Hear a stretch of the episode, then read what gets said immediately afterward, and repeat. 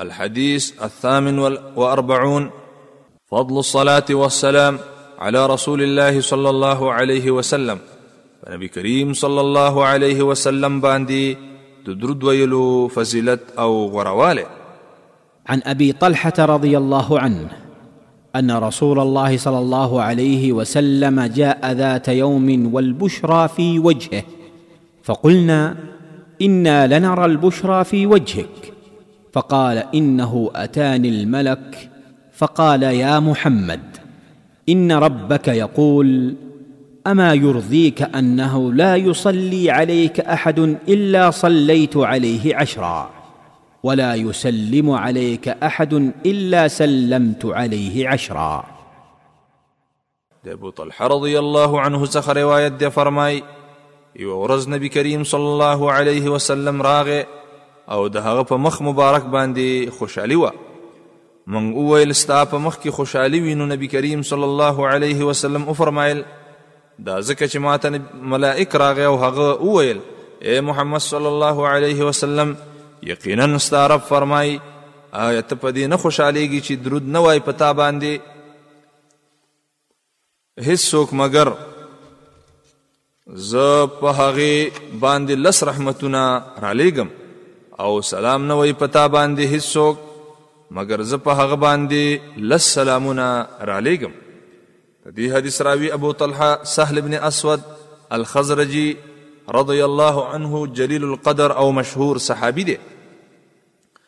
او د ډیرو فضیلتونو خاوند دی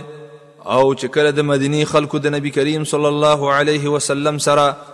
بیعت کولو نه دا هم په دغه بیعت کولو کې موجود او همدارنګه ابو طلحه رضی الله عنه د بدر په غزا او هغه غزاګانې چې د بدر د غزا نه رستو واقع شوې دي هغه ټولو کې د نبی کریم صلی الله علیه وسلم سره شریک شوی دی او کله چې نبی کریم صلی الله علیه وسلم وفات شو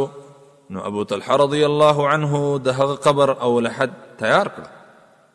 ابو طلحه رضی الله عنه په دنیا کې د زهد زندگی تیر کړی ده او اکثر وخت به روجو او د الله تعالی په لار کې د جهاد کولو سره ډیره مینه درلوده په کال یو پنځوس یا دو پنځوس هجري کې چې د رومیانو په مقابل کې د جهاد لپاره اووت او چې کله کشتۍ کې سپور شو نو کشتۍ په بحر کې و چې ابو طلحه رضی الله عنه په همدې کشتۍ کې وفات شو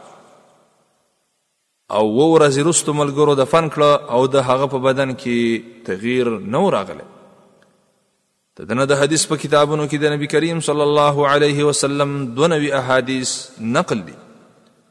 او بعضو تاریخ پوهان ویلي چې ابو طلحه رضی الله عنه په کال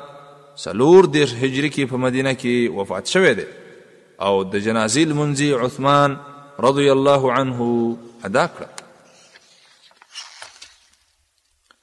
من فوائد هذا الحديث د دې حدیث د فوائد څخه اول دا حدیث یو مؤمن بنده ته ترغیب ورکوي چې باید په نبی کریم صلی الله علیه وسلم باندې ډیر درود وای او درود ویلو صحیح طریقه دا ده چې دا درود وای کوم چې لاندې ذکر کیږي اللهم صل على محمد وعلى آل محمد كما صليت على إبراهيم وعلى آل إبراهيم إنك حميد مجيد اللهم بارك على محمد وعلى آل محمد كما باركت على ابراهيم وعلى ال ابراهيم انك حميد مجيد الهی په محمد صلی الله علیه وسلم او په آل د محمد صلی الله علیه وسلم باندې رحمتونه راولېږه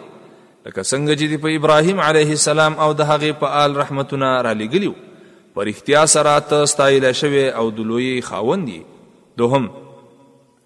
د الله تعالی له طرفه په نبی کریم صلی الله علیه وسلم باندې د درود ویلو معنا دا ده چې د الله تعالی د طرف نه په نبی کریم صلی الله علیه وسلم باندې رحمتونه را لېږل د اللهم صل علی محمد معنا دا الهی په محمد صلی الله علیه وسلم باندې رحمتونه راولېږي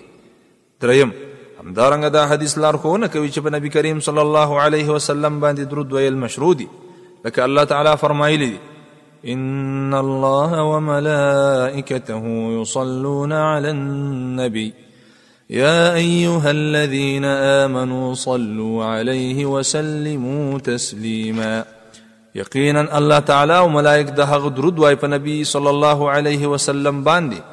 اے ایمان والا او درود وای په هغه باندې او سلام وای پورا او همدارنګه نبی کریم صلی الله علیه وسلم فرمایلی دی ان لله ملائکه سیاحین فی الارض يبلغوني من امتي السلام یقینا د الله تعالی ملائکی ګرځي په ځمکه کې را رسوي ما ته زما د امت سلامونه زمونږ په خوږ نبی محمد صلی الله علیه وسلم باندې درود او سلام ویل د هغه د حقوق څخه دي په دې امت باندې او هر مسلمان ته د دې امر کړی شوی دی چې په نبی کریم صلی الله علیه وسلم باندې درود او سلام ووایي لکه عام درود ویل شو په نبی کریم صلی الله علیه وسلم باندې او همدارنګه لمونځ کوونکي به په لمانځه کې په نبی کریم صلی الله علیه وسلم باندې درود وایي او همدارنګه مسجد ته د داخلېدو په وخت کې هم په نبی کریم صلی الله علیه وسلم باندې درود ویل پکار دي اوس په نبی کریم صلی الله علیه وسلم باندې درود او سلام ویل سره د دینه چې هغه وفات شوی او غایب دی دا د هغه د خصوصیاتو څخه خصوصیت دی او د نبی کریم صلی الله علیه وسلم نه علاوه د بل چا لپاره جایز نه ده چې په هغه سلام وویل شي په داسې حال کې چې هغه کس غایب وي ځکه چې دا د نبی کریم صلی الله علیه وسلم خصوصیت دی چې په هغه سلام وویل شي او حال دا دی چې هغه غایب دی